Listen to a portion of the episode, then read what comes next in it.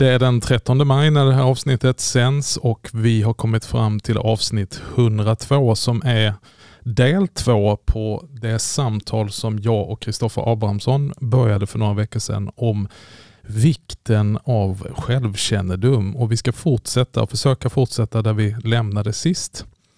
Och i början av det här avsnittet så kan vi också säga att det här är eh, nyttigt och bra, välsignat och och lyssna till och ta till sig för, för alla som vill följa efter Jesus. Men kanske vissa exempel vi använder eller vissa perspektiv vi talar om vänder sig också till en stor grupp av våra lyssnare som just är i tjänst på ett sätt så att man har en kallelse som pastor eller präst eller något ledaruppdrag i Guds församling. Men eh, det här är alltså nödvändigt och nyttigt och välsignat att lyssna på för många. Eller vad säger du Kristoffer? Jo men det hoppas jag. Välkommen tillbaka i studion. Tack så mycket. Du, eh, förra gången så talade vi om det här att det finns det som ett mörkt djup under ytan i, i oss själva. Det, det döljer sig saker i vårt hjärta som vi kanske inte alltid har koll på. Och på ett sätt så är det en befriande insikt.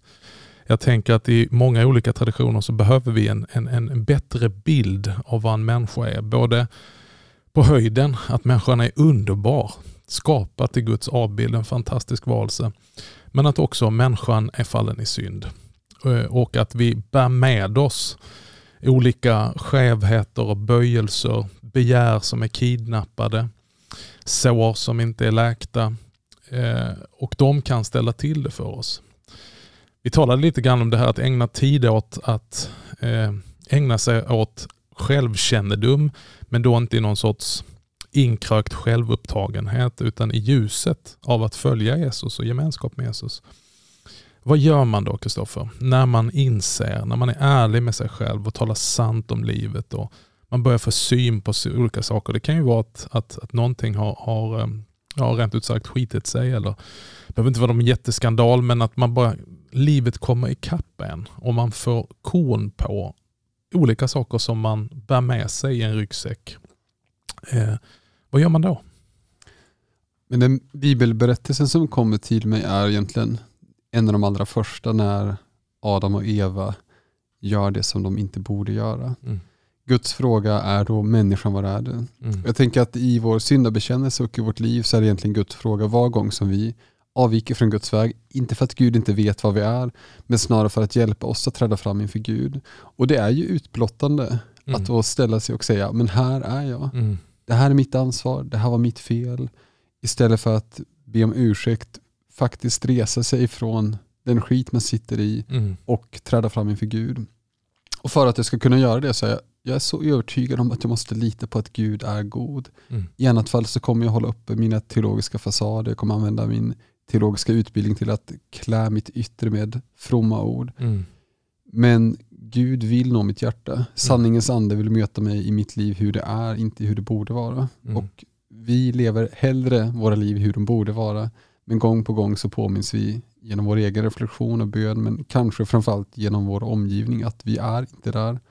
Och i den smärtsamma punkten så kan också sanningens ande leda oss till det livet i frihet som Gud har för oss. Mm. Så att vi inte kommer eh, bakom dogmatiska utläggningar. Eh, de kan ju också bli ett väldigt fint, eh, en, en, en undanflykt eller en ursäkt. Men att få komma sådana som vi är. Och bottna även i det där som inte är så vackert.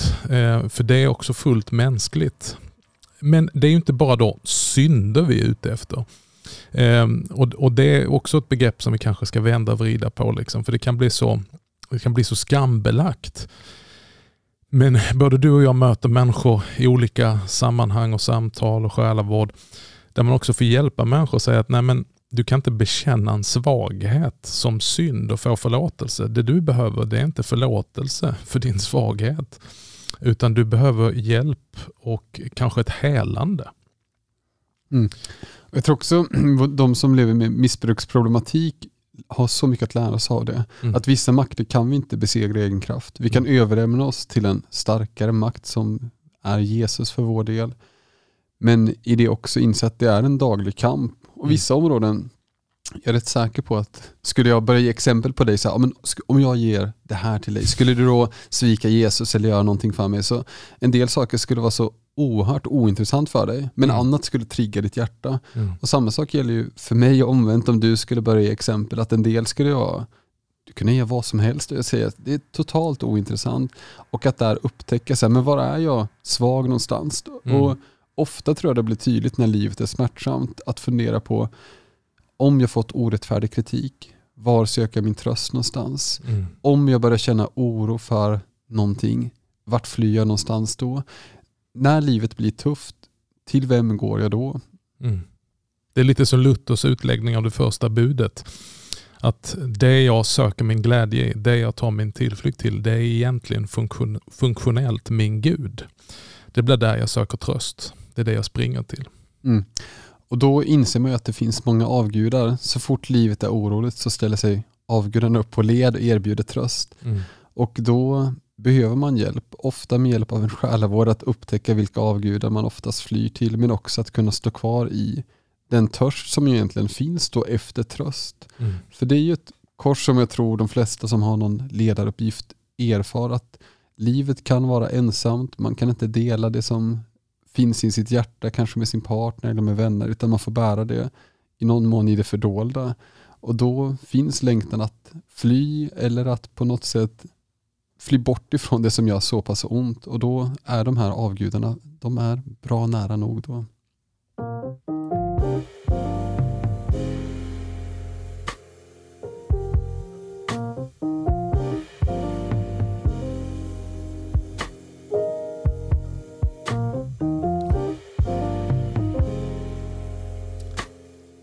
När du talar Kristoffer så tänker jag på profeten Elia.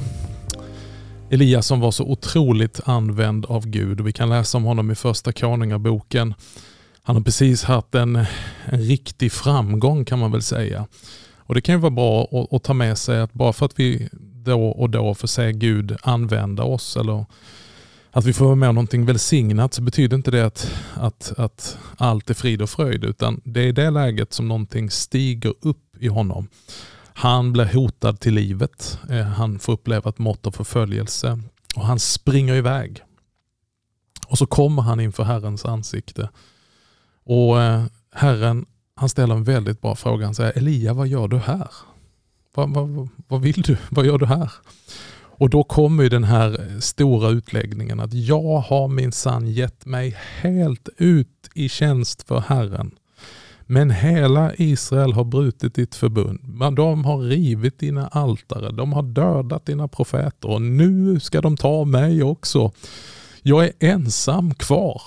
Och Jag tror att alla som, som har haft, precis som du säger, befunnit sig i en position av, av tjänst för Herren som, som, som förkunnare, predikant, pastor eller präst har kunnat känna lite grann av profeten känner, känna sig utlämnad, övergiven, ensam. Och då flyr Elia. Mm. Och Det är också något som jag tycker är så värdefullt i hans flykt. Vad är det då som händer? Jo men en ängel verkade uppenbara sig och vad får Elia? Han får äta och dricka och mm. vila. Mm.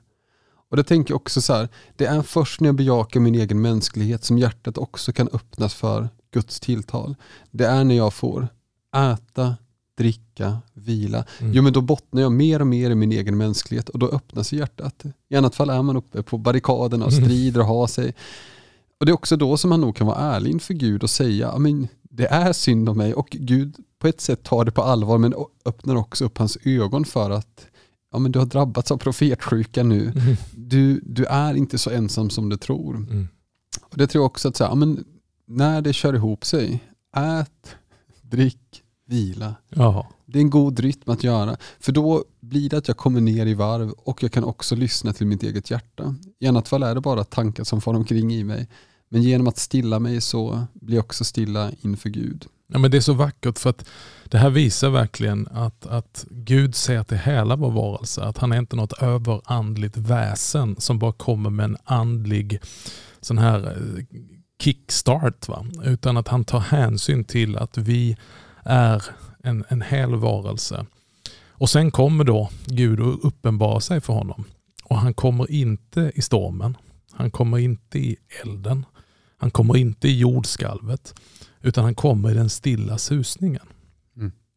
Och Där tänker jag att det kopplar lite grann eh, med att när vi pejlar de här lägena så kanske vi också behöver söka en period av stillhet. För att verkligen kunna pejla in och lyssna in Guds stilla viskning som det ibland är. Att han talar vanligt med oss. Mm. Och som ledare då kanske ibland tänka så här, men Gud, absolut att Gud också är med i så här, drömmar och längtan, men ändå tänka att ja, men Gud möter mig kanske inte just nu i mina stora ambitioner, i min stora längtan, i mina framtidsplaner, utan vill möta mig här och nu i den stilla viskningen som jag kanske dövat under lång tid och som kräver någon slags faktiskt mm. bokstavlig tystnad för att jag ska kunna höra det. Jag behöver vara i någon slags grotta där det är tyst för att kunna höra den stilla viskningen. Mm. Och de andra stormarna och allt det här blixtar och dunder, ja men det har sin tid också. Mm. Men för att jag ska kunna sändas ut av Gud så är det den mer stillsamma rösten som jag då får lyssna till. Och det är också att jag tror att jag mer och mer ser att Jesus också är i det som är svagt, i det lilla, i det som vi ofta ser som oansenligt. För annat fall tänka att ja, men det var inte så omskakande jag var med om, så Gud kan inte varit där. Och det, Bibeln lär oss något annat. Gud möter oss i allt. Även i våra motgångar så finns det ett gudsmöte som väntar. Och, och kanske speciellt för de av oss som har någonting lite skevt och destruktivt kopplat till det stora, det starka, det framgångsrika, det omvälvande. Eh, att vi lite grann eh, behöver backa tillbaka ifrån det. För det är så lätt att bli upptagen och uppslukad av det. Och faktiskt förlora sig själv. Det är verkligen sant. Och där är det ju, man behöver lära känna sig själv. Det handlar om det igen. Vad är mm. det jag egentligen söker? Och hur, vad, vad får det för konsekvenser i hur jag ser på Gud, mig själv och mina medmänniskor? Mm. Men du Kristoffer, om vi, om vi tar tag i det spåret då. Eh, du har jobbat en, en del med det här tillbaka till den grundläggande frågan. Vad, vad, vad, skulle du rekommendera om jag säger så att ja, men jag, var ska jag gå när jag stöter på de här olika sakerna som finns i mig? De har kommit till ytan. Vad gör jag? I bästa fall har det dykt upp i den egna bönen och reflektionen. Inte, ibland händer det att någon kommer på ett ibland burdust, ibland milt sätt att påpeka saker. Mm. Men att första platsen är att stanna vid den egna bönekammaren för att där blotta sig inför Fadern. Mm. Men sen behöver vi hjälp av de som har vandrat längre med Jesus. Mm. Det är ett behov som aldrig tar slut. Det, jag tänker att egentligen som kristen behöver du det. Det är mm. liksom, är du kristen behöver du möta någon som har vandrat längre än dig. Och viss regelbundenhet, kanske en gång per månad. Och som präst eller pastor så ser jag det som en omöjlighet att inte faktiskt sitta inför någon och blottlägga sig själv. Där man får hjälp att ta fram allt det som finns inom en. Både det man är tacksam för och det som man kanske inte alltid är stolt över. Mm. Och det är en omistlig del för den som vill vara ledare och följa Jesus. Mm. Jag tänker på det här med sopsortering. Så fort man har haft en stor helg hemma i familjehushållet så inser man ju att bakom allt härligt och festligt och gott så är ju människan ett avfallsproducerande varelse. Så när man tittar in i köket så inser man ju att oj oj oj, här finns mycket disk att diska, sopor att hantera. Själv bor vi i en bostadsrätt högt upp, ett stort hus, många lägenheter. Och vi har en hel, en hel egen fastighet bara för att hantera och sortera sopor. Det har gett mig en sån uppenbarelse att allt är inte bara skräp.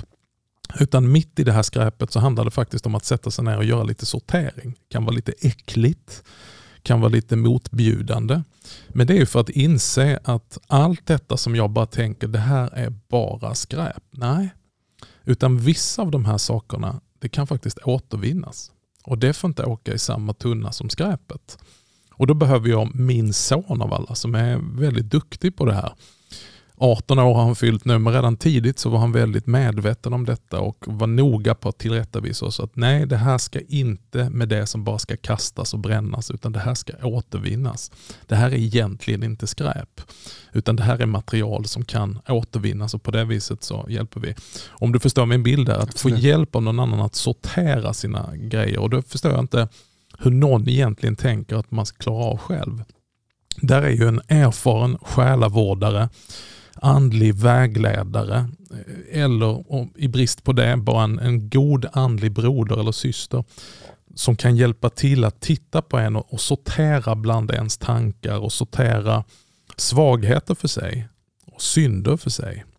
Sår som, som inte heller ska, ska bekännas som en synd utan som behöver, där jag behöver blotta mig och låta Herrens läkande hand komma in och kanske också på en mellanmänskligt plan. Att här, här är någonting som behövs av försoning människor emellan. Mm.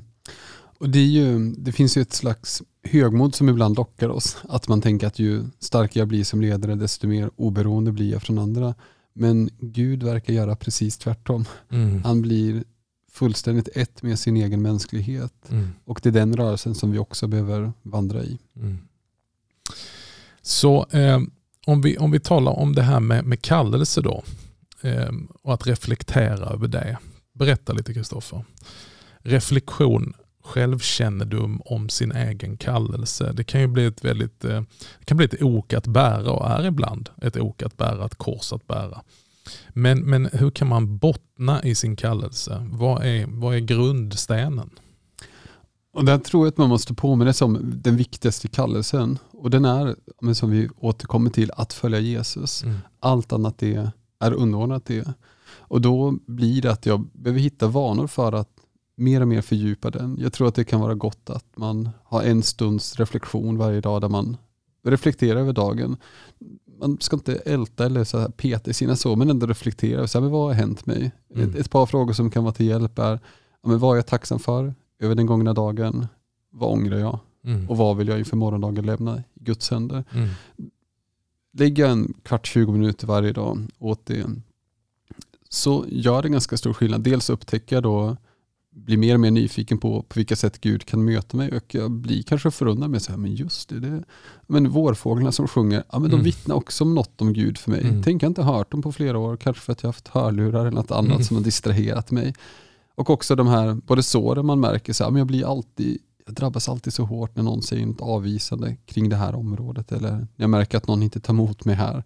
Um, och det får man be om helande som du var inne på. Mm. Eller vilka synder man ständigt återkommer till. Då mm. kanske man märker att ja, jag ägnar alldeles för mycket tid åt ja, men man behöver inte vara profet för att säga att skärmtiden är de flestas mm. frestelse i många mm. fall.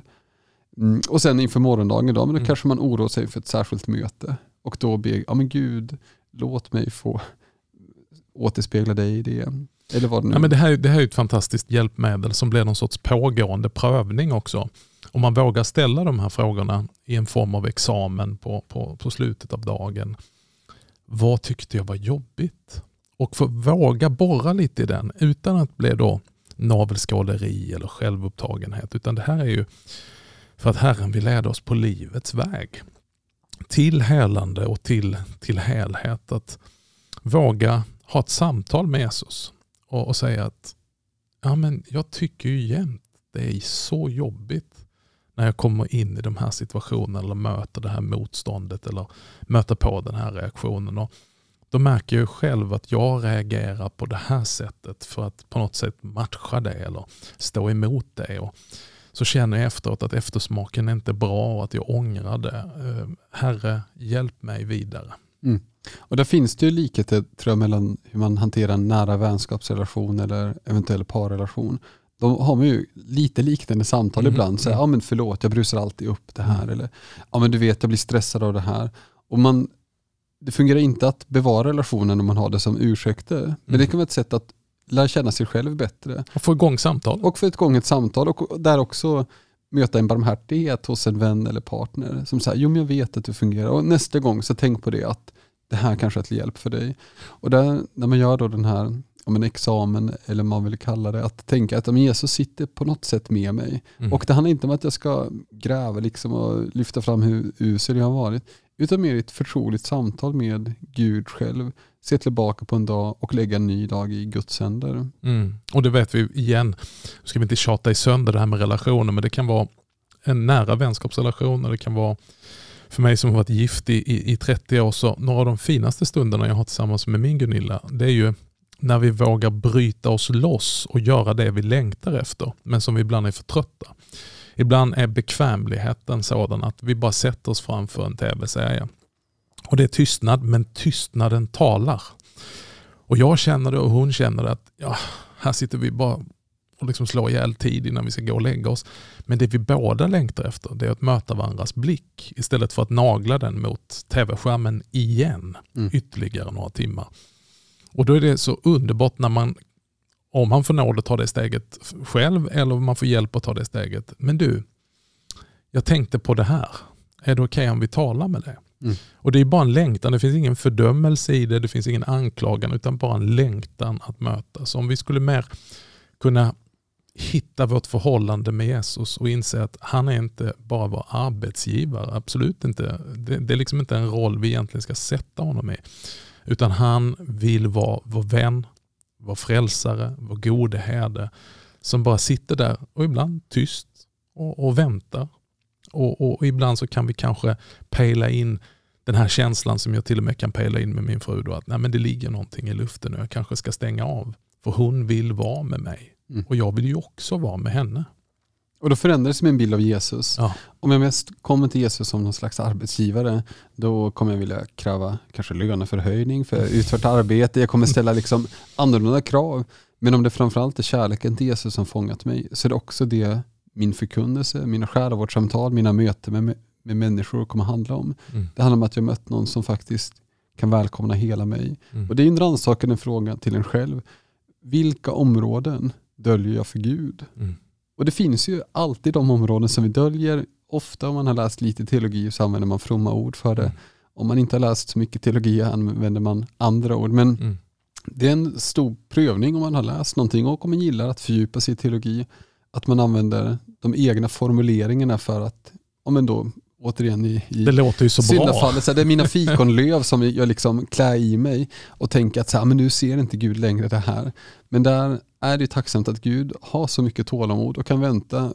Vissa är nog ledare som Gud har väntat 20, 30, 40 år på att mm. de faktiskt ska sluta på med sina men, sin jonglering med gudsbilder och uppvisningen för Gud och väntar så här, ja, men se till när du är klar så kan vi faktiskt samtala. Och då kommer vi till det här med självkännedom, när vi kan erkänna för oss själva och säga att ja, men Magnus, du speglar dig alldeles för mycket och hämtar din bekräftelse, din självbild, ditt värde och din kärlek i vad du gör för Gud snarare än vem han är och att du har en plats och din första kallelse är gemenskap med honom.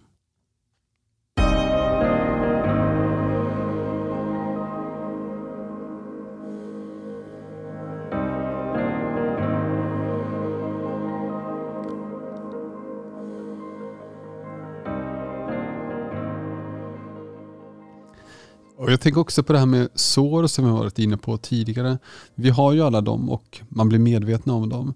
Och då tänker jag de sår som vi ignorerar, det är sådana som vi på riktigt faktiskt kan förblöda av. Så är det. Skulle jag ha någonting som gör att jag blöder från något ställe så är det ju livshotande för mig oavsett hur mycket jag försöker skyla det. Mm. Och de sår som jag ständigt driver upp i mig själv, de riskerar att bara också bli så här kladdiga och så. Och de jag, framförallt då, om jag river upp dem i församling så blir det bara kladd till de som finns runt omkring mig. Men det finns det också nåd i att de sår som tidigare kanske har blött mycket men sen blivit ymnigt och till slut upphört. Det kan ju bli någon slags ärr i mitt hjärta eller mitt liv som ändå vittnar om Guds trofasthet och barmhärtighet. Mm. Det är inte längre blöder på ett sätt som är till hot för mig som ledare eller mig som kristen eller ja, som människa. Men det blir också ett vittne om att Gud faktiskt har han har visat förbarmande mot mig. Och när man läser i Bibeln så är det oftast det som återkommer från, men Paulus bland annat, jag mötte barmhärtighet. Mm. Och Det kan vara en av de viktigaste grunderna för att gå in i tjänst, att möta Guds barmhärtighet. Har du inte mött den så tror jag att ditt vittnesbörd blir ganska stumt och livlöst. Mm. Men om jag faktiskt kommer i kontakt med mina egna sår, min egen synd och min egen otillräcklighet och där får upp ögonen för Guds barmhärtighet, då är det det som är mitt stora vittnesbörd och då är det inte så länge intressant vad folk säger om mig. Mm. För att jag kommer ändå vara bortglömd. Både du och jag kommer vara bortglömda troligtvis inom 50-100 år. Ja, antagligen tidigare än så. Men Gud kommer folk fortfarande minnas och därför så mm. är egentligen frågan så här, vill jag försöka spela en slags solo, soloroll under en kort tid av mitt liv eller tänker att jag förenas i en större berättelse. Det får mm. bli ett av många tusentals vittnen som kan vittna om vem Gud är. Mm. Nej, men jag tror också många, om vi nu talar till präster och pastorer, så förknippar man tyvärr, blir det väldigt enkelt så, att du förknippar det här med att ta tid med Gud, det är egentligen bara att ladda ner. Det är som att tanka ner nya tankar som du ska förmedla vidare. Att tid med Gud och i bön, det blir lite grann av att nu ska jag förbereda ytterligare en predikan. Nu ska jag ha igen någonting friskt, fräscht och härligt och välsignat att säga. Och så kommer man i desperation inför Gud. Vi har alla varit där. Vi kommer till de punkterna igen och igen och så, och så är Gud bara någonting som vi ska ladda ner någonting ifrån. Istället för att komma inför Gud och bara vara och det behöver inte leda till någonting. Jag var, var själv eh, för ett tag sedan eh, och hade några dagar i stillhet och skulle formulera till någon annan. Vad vill du med det här? Och det studsade väldigt så här. Det tog illa. För jag är en människa som alltid har tydliga mål, projekt och planer med saker och ting. Så jag sa, nej, jag vill inte ens formulera det. För att tanken med de här dagarna, det är inte att ha ett speciellt ärende. Och, och, och bara det är en jättestor kamp för mig. Mm. Att, att, att, att få faktiskt återvinna du vet, den här gemenskapen med Jesus, där du inte har något ärende. Mm. Och det är ju, om vi hoppar tillbaka till det här med vänner eller en fru eller något man har, att skulle man bara vara ute efter ständigt på ett sätt ta emot någonting så blir det ju väldigt kortsiktig relation. Om mm. jag tänker att så här, men jag vill ju bara använda dig på ett sätt för mina egna syften. Mm. Jag vill att du, om jag är ledsen, tröstar mig. Att mm. du bekräftar mig. Och det blir väldigt skev relation. Mm. Utan kärleken fångar hjärtat och blir nyfiken på den andra personen. Och då går jag från att vara inkrökt till att bli med nyfiken blick tittar jag på de som finns runt omkring mig. Mm. Och där tänker jag att det, Gud används ofta bara som en kraftresurs istället för en person att lära känna. Och det visar ju sig, för att då är Gud väldigt ointressant att vara med och spendera tid med om jag inte har någonting jag behöver. Utan han blir bara en sån man springer till. Ah, just det, nu är det en ny predikan här, nu är det en ny mässa, nu är det en ny uppdrag här, nu ska jag undervisa ledarna, nu ska jag göra detta. Men helt plötsligt då så märker du själv att när det är semester eller när det är någonting annat, ett break, så är Gud helt ointressant. Han finns inte ens på din radar. Och det spelar inte så stor roll om Gud då är din kraftstation eller uppdragsgivare, utan går du på semester så tar du också semester från Gud. Mm. Och där är det återigen i samtalet med någon annan som jag tror att man kan få syn på det. Mm. Bara frågan, ja, men hur vilar jag? Är vilan från Gud eller med Gud? Och bara det gör någonting med den egna reflektionen. Och, och bara se sådana här saker istället för att hamna i fördömelse, känna sig fullständigt värdelös och förkastad eller komma med massa undanflykter och ursäkter och teologiska förklaringar. Så är det ju intressant att kunna ta till och så bara säga ja, ja vet du vad, så har det blivit. Och att komma med det inför Gud och säga att ja, men jag kan ju förstå att det är något skevt med det här. Det är ju en, en fantastisk plats att komma till. Och då blir ju den här självkännedomen till sån stor välsignelse när jag inser att Gud är inte ute efter att döma mig utan frälsa mig och inte bara någon avlägsen framtid när jag dör mm. utan också i mitt nu. Vilka makter förminskar dig? Mm. Vilka krafter sliter i dig?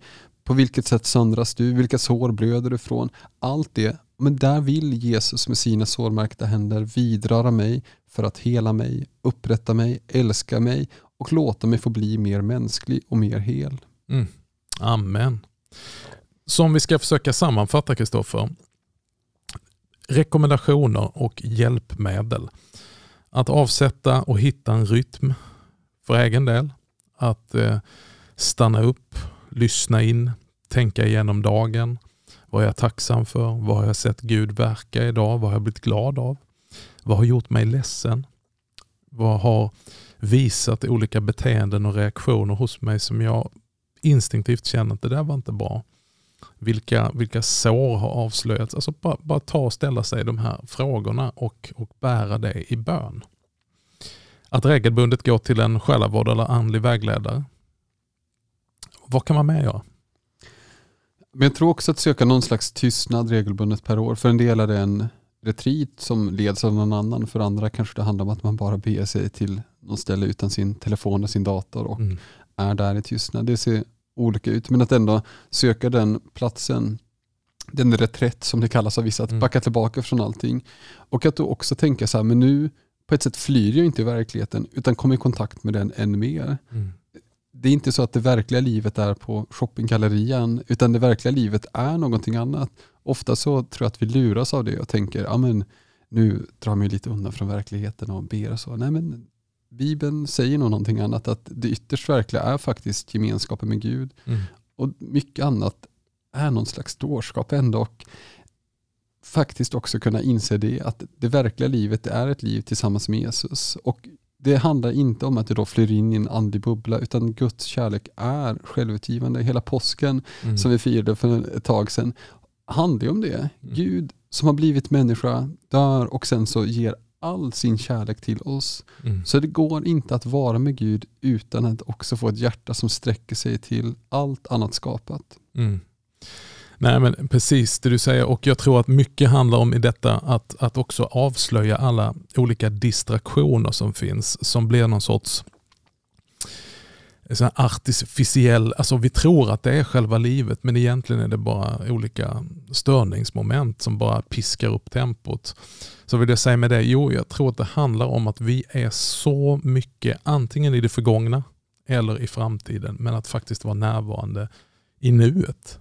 Eh, om man nu sitter i en stökig studio som du och jag sitter, att inte bara tänka på vad ska jag säga sen, vad är nästa program vi ska spela in, vad, vad är nästa grej på dagordningen. För så har vi blivit formade och vi ska inte underskatta hur vi har blivit formade men att göra lite motstånd emot det genom att bromsa in, stilla sig, slå ner på takten. För jag tror det är omöjligt att komma till självkännedom och framförallt ännu viktigare att lära känna Jesus om vi inte slår av på takten och kan stilla oss. Och att allt är inte så bråttom och allt vi tror är livsviktigt är faktiskt inte livsviktigt.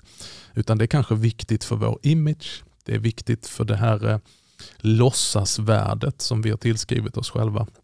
Men bleknar i sitt värde när vi får se det som är verkligen värdefullt. Mm. Och då hamnar vi lätt där Marta hamnade. Där hon också, precis som Elia, säger nästan samma sak. Herre, ser du inte att min syster låter mig ensam göra allting själv? Och Det kan ju vara en liten tuff avspisning Jesus säger. När hon säger, men Marta, allt det där det tror du är så viktigt. Men Maria hon har satt sig här vid mina fötter. Och Hon har valt det som är absolut viktigast och det ska inte tas ifrån henne. Och Det där är svårt att höra för sådana här människor som jag är en typisk Marta-människa. Det finns ju så mycket att göra. Ja. Det, ju, det, finns ju alltid mer att göra. Och det kan gro ett förakt mot Maria-personer som bara säger ja det skulle inte hända någonting om bara ni skulle sitta där vid Jesu fötter. Ja, och då blir det återigen så här, men vad är verkligheten egentligen? Och vad Exakt. handlar det kristna livet om? Och där ska man inte underskatta alla de här bönetanter framförallt, men också farbröder som fortfarande ber och jag tror på riktigt bär församlingar genom mm. sin bön. Och att se att vår tjänst ser olika ut. För en del är den mer synlig, för den andra är den mer i det fördolda. Men det vi gemensamt har är att ju mer livet syns i det offentliga, desto djupare rötter behöver det ha i det fördolda. Mm. För att i annat fall så kommer mitt liv stryka istället för att stryka under det jag försöker säga. Mm. Och därför vi uppmärksamma Jesu kallelse. Jag tänker på lärjungarna när de kommer tillbaka. De har undervisat de har drivit ut onda andar, de har botat sjuka och de kommer glada tillbaka står det till Jesus och berättar stolt om allt de har gjort. Och Jesus kommenterar inte ens utan han säger kom, kom med mig till en enslig plats där vi kan dra oss undan i ensamhet. Kanske är det hälsningen till många av oss när vi kommer och vill visa hela listan. Allt detta har jag gjort. Det är inte så att Jesus är otacksam och bara fullständigt nedvärderar dig. Men han vill visa dig någonting ännu viktigare någonting ännu högre, nämligen gemenskap med honom själv. Vi går mot slutet på ytterligare ett avsnitt i Reformera-podden. Ett ämne som det inte går ens att tömma ut på två avsnitt. Ett stort tack Kristoffer för att du ville bolla de här tankarna tillsammans med mig. Tack att jag fick komma. Tack för ditt bidrag och tack till dig som eh, fortsätter lyssna på oss i Reformera-podden. Och jag ber speciellt för dig, du som är präst, pastor, predikant, står i någon form av tjänst där den här frestelsen kan vara stor och du kanske känner igen dig på många olika sätt och vis. Min bön är för dig att du ska få bli upplyft av det här budskapet och att Jesus ska få dra dig in till sig själv. Amen.